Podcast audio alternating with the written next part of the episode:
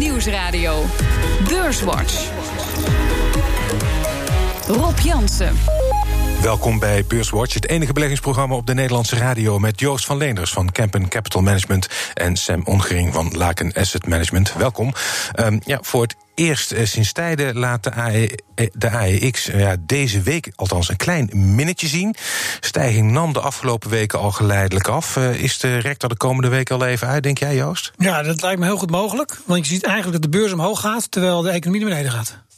Sam? Ben ik het wel mee eens. Het is hard opgelopen, dus het kan zijn dat even pas op de plaats wordt gemaakt. Het was de week waarin een monopolie op de postmarkt werd aangekondigd. PostNL wil concurrent Sand overnemen. Topvrouw Herna Verhaken van PostNL legt uit waarom de ACM hiermee akkoord zou moeten gaan. Als je nadenkt dat de post 10% per jaar krimpt... en dat wij verwachten dat dat eigenlijk gewoon doorgaat de komende jaren... En aan de andere kant wil je natuurlijk overal in Nederland vijf dagen in de week post blijven ontvangen. Ja, dan moet je ook iets doen. En dan is dit eigenlijk de enige oplossing om dat mogelijk te maken. En het was natuurlijk vooral de week waarin de Nederlandse staat een groot belang nam in Air France KLM. De Franse president Macron was not amused. Il appartient maintenant euh, au gouvernement néerlandais de clarifier ses intentions en cette affaire. Et c'est pourquoi euh, le ministre de l'économie des finances a invité son homologue néerlandais à venir à Paris pour euh, pouvoir les expliquer. Hij wilde dus uitleg en die kreeg hij vandaag van minister Wopke Hoekstra... die naar Parijs afreisde om plooien glad te strijken. Onze doelstelling is tweeledig. Op de eerste plaats is het voor ons van cruciaal belang dat deze mooie onderneming beter gaat presteren. En daarnaast, en dat kan, is mijn rotsvaste overtuiging hand in hand gaan... moet er recht gedaan worden aan de vitale belangen van de Franse staat en van de Nederlandse staat. Ja, Pieter Elbers, de topman van KLM, moest vechten voor zijn positie onlangs nog. De Nederlandse overheid en KLM zijn de afgelopen jaren niet geconsulteerd bij hele belangrijke beslissingen voor het bedrijf. En daarom heeft de uh, Nederlandse overheid dus in Air France KLM een belang genomen dat ongeveer gelijk is aan dat van de Franse staat. Joost, vind jij dat een verstandige beslissing van het kabinet? Ja, kijk, ik weet, ik weet niet precies wat er achter de schermen precies speelt dat ze dit doen. Mm -hmm. maar je kunt je natuurlijk afvragen uh, of je hiermee genoeg invloed op de onderneming kan uitoefenen. Mm. En, het, en dat strategische belang, dat snap ik, dat zie ja. ik. En dat, dat, dat, kun je zo zeggen. Um, maar dat die zegt van ja, we willen de onderneming beter laten functioneren. Of de overheid dat nou kan. Ja. Daar kun je natuurlijk wel ja vragen. De overheid is geen, gaat niet bedrijven managen, gaat dat bedrijf ook niet managen. Nee. Dus dat lijkt me zeer onwaarschijnlijk, eerlijk gezegd. Ja. Um, maar ze zouden wel misschien wat meer uh, invloed kunnen krijgen op benoemingen. Wat vind jij van het, van het besluit om dit te doen? We kijken er puur als belegger naar. En ja. zijn er eigenlijk twee landen die verschillende politieke belangen hebben, die in een onderneming actief zijn, die druk aan het hervormen is denk ik niet dat het positief is voor het bedrijf uh, om uh, veranderingen gedaan te krijgen. Nee, dus jij verwacht eigenlijk, dan is het eigenlijk, er is wel 744 miljoen, geloof ik, uh, in geïnvesteerd, eigenlijk zonder geld? nou, ik, ik weet niet hoe dat in zijn praktijk werkt qua invloed, maar wat in het FD stond, dat de gemiddelde aankoopkoers 12,50 euro was ongeveer. Dat was wel feilloos het hoogtepunt van de afgelopen 12 maanden. Ja. Um, nou, zeg jij, uh, uh, Joost, dat um, je snapte de belangen wel. Maar ja, in de brief bijvoorbeeld die Hoekstra heeft geschreven aan de Tweede Kamer... er is een belang gegeven aan China Eastern, aan Delta. Zijn ze niet in gekend? De positie van de topman hing aan een zijden draadje. Ja. Nog de dag voor de bestuursvergadering. Uh, terwijl zijn bedrijf, hij doet het heel goed, hij maakt de meeste winst. Dan kun je toch eigenlijk als overheid niet anders meer doen dan op deze manier de belangen veilig te stellen?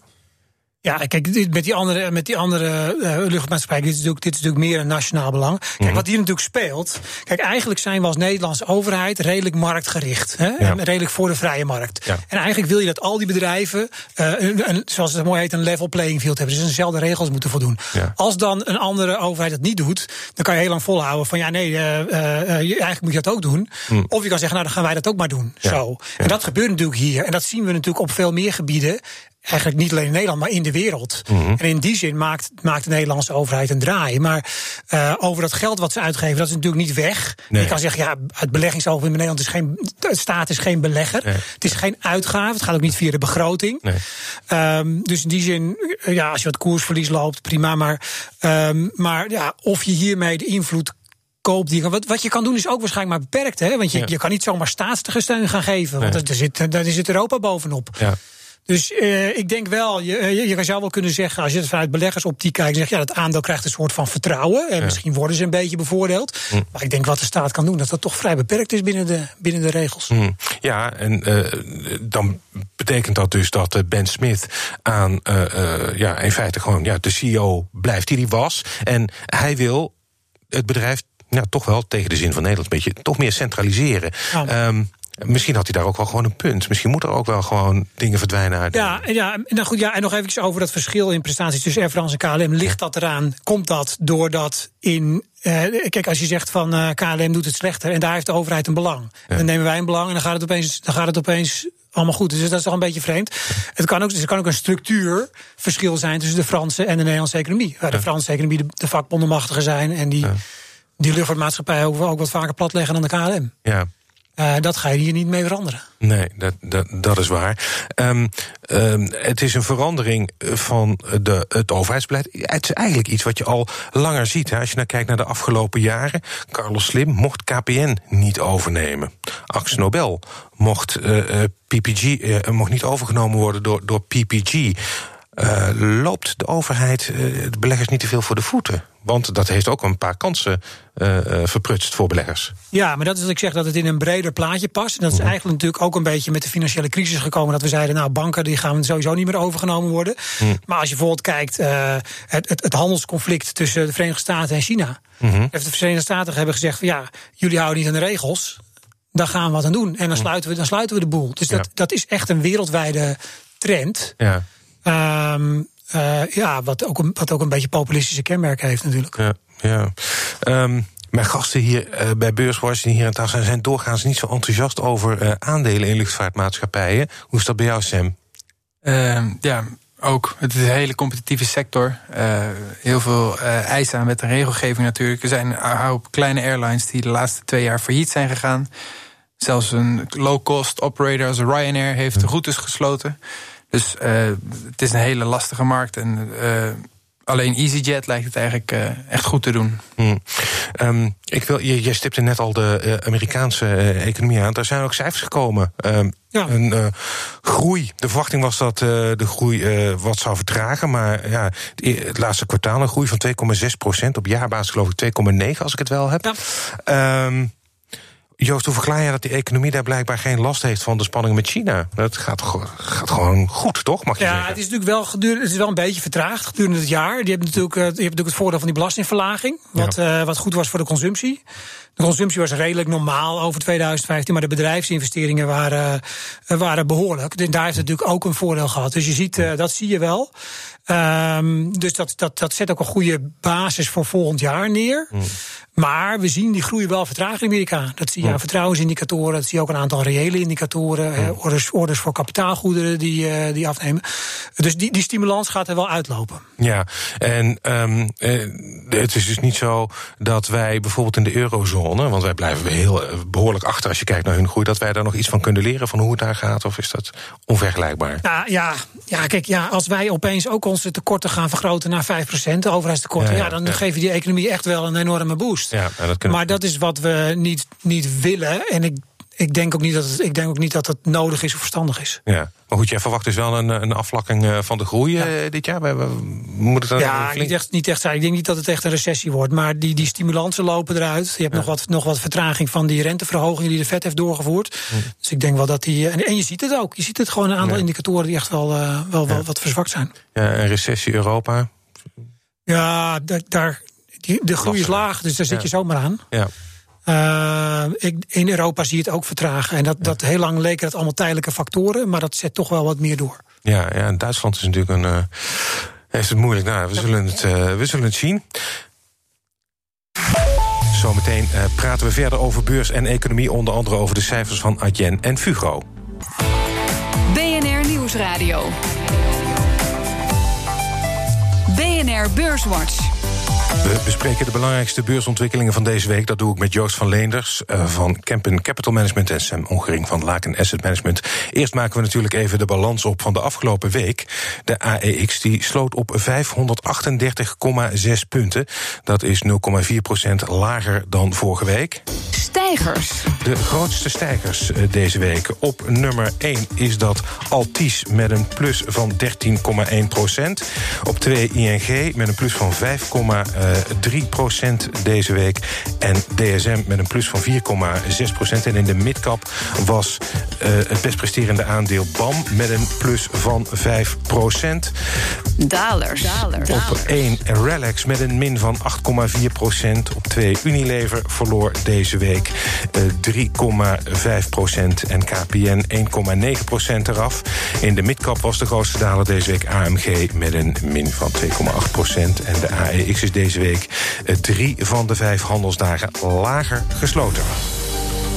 Eh, voor het eerst dus uh, sinds lange tijd uh, een minnetje. Ik wil het even hebben. Ik wil aftrappen met PostNL. Had groot nieuws. En dan zitten we weer toch nog eventjes in dat overheidsbemoeienisverhaal.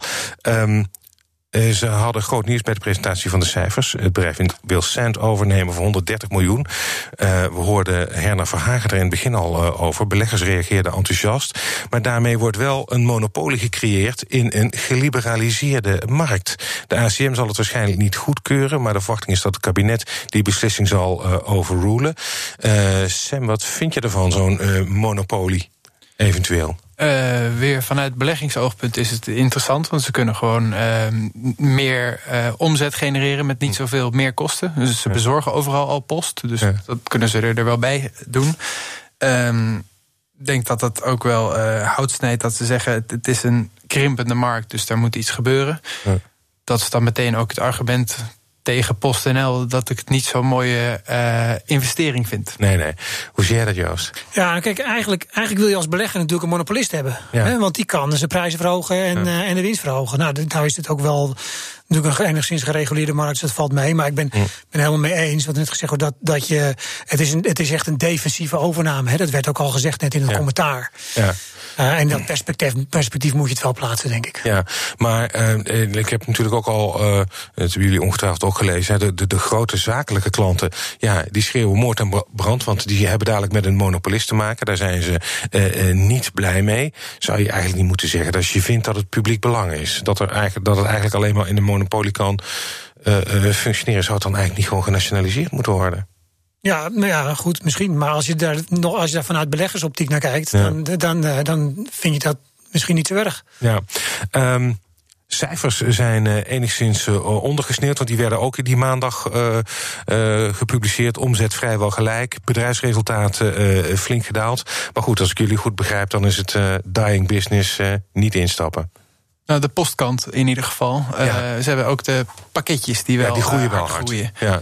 En uh, daar heb je natuurlijk wel heel veel grote klanten, zoals een, een Zalando of een Bol, die, die aardig wat um, onderhandelingsmacht hebben. Maar het is wel groeiende business in ieder geval. Ja. Uh, deze transactie voor 130 miljoen zeggen ze dat ze ongeveer 50 à 60 miljoen jaarlijkse synergieën kopen.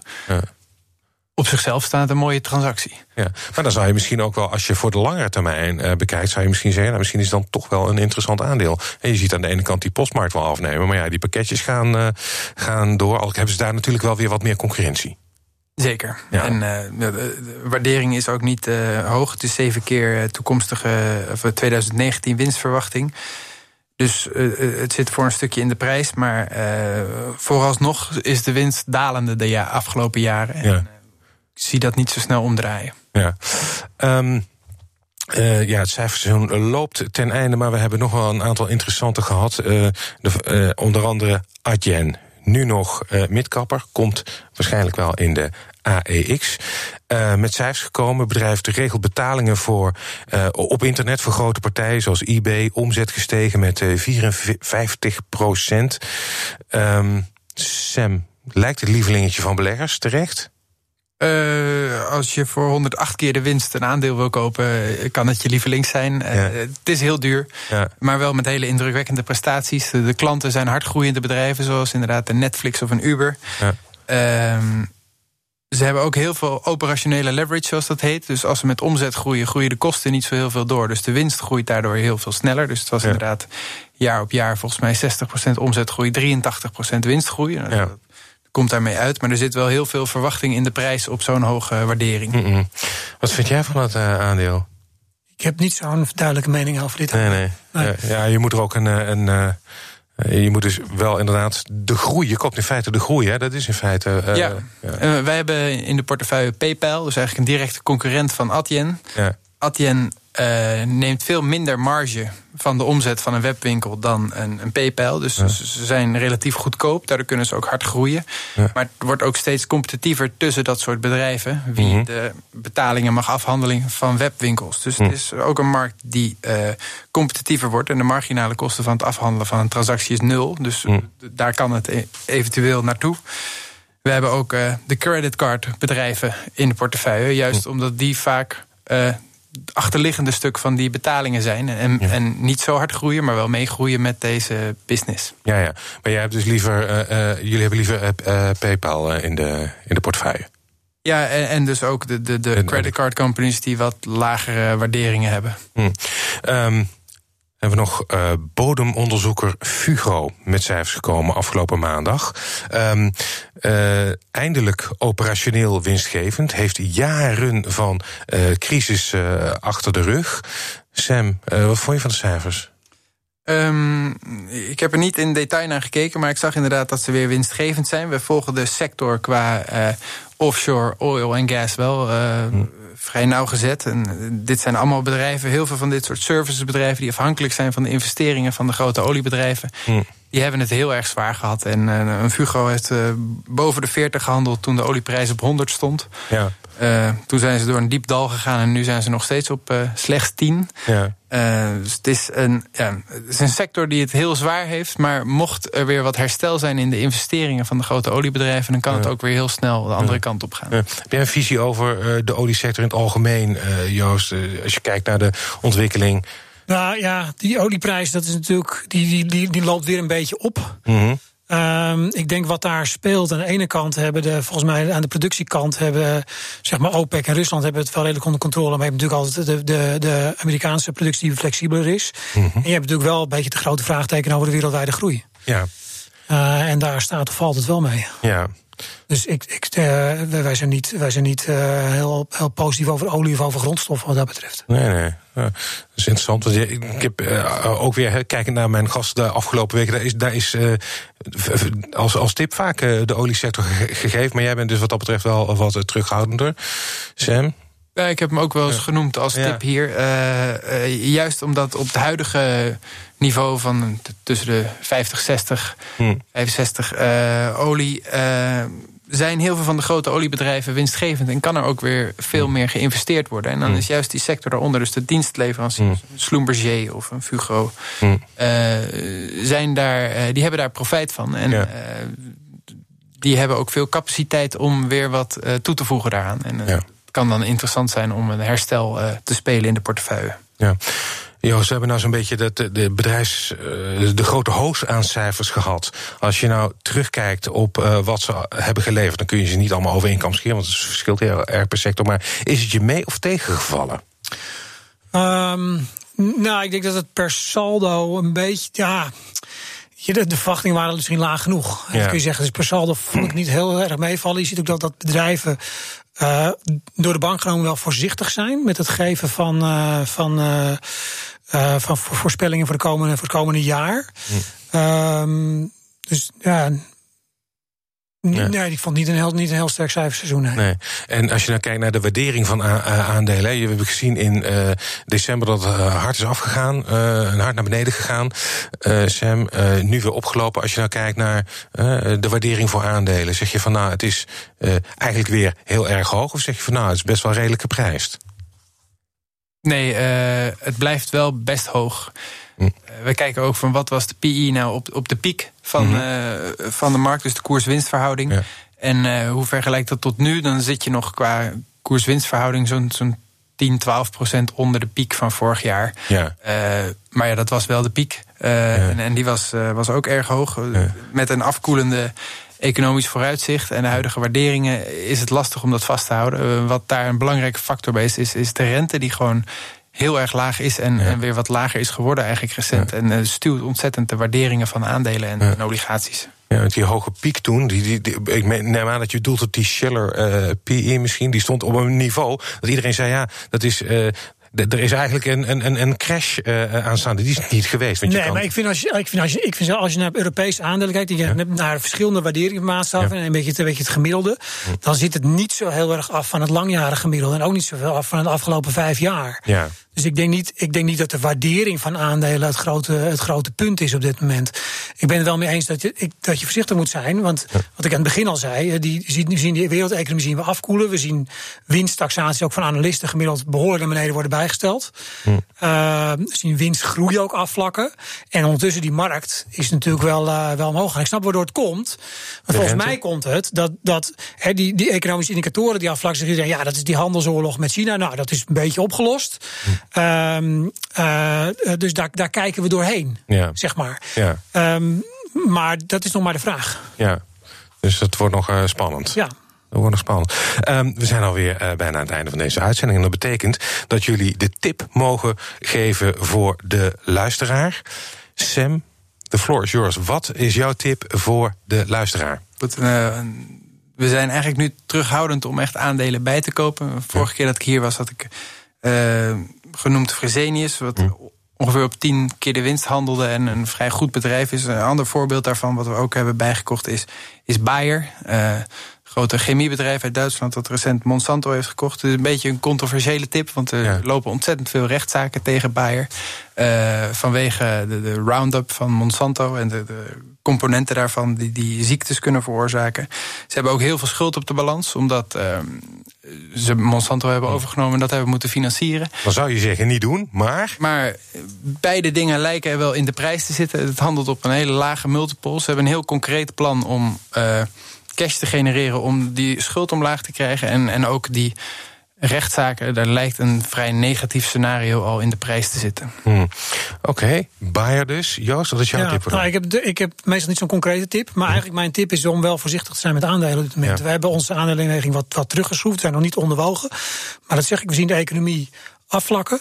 Uh, ja. Volgens mij kijken markten dat naar, inderdaad naar de handelsoorlog en de stimulering uit China, die een beetje begint te komen. Ja. Maar ondertussen zie je indicatoren nog steeds, uh, nog steeds naar beneden gaan. Dus uh, uh, ik zou zeggen, je moet dat, dat moet je als belegger goed in de gaten houden. Oké, dus wees voorzichtig met aandelen.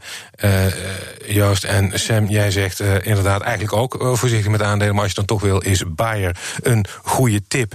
Hartelijk dank, Joost van Leenders van Kempen Capital Management en Sam Ongering van Laken Asset Management. Dit was Beurswatch. Als u wilt reageren, dan kunt u een mail sturen naar beurswatch.bnr.nl of tweeten naar Rob Beurs en terugluisteren. Dat kan via de site, de app, iTunes of Spotify. En graag tot volgende week.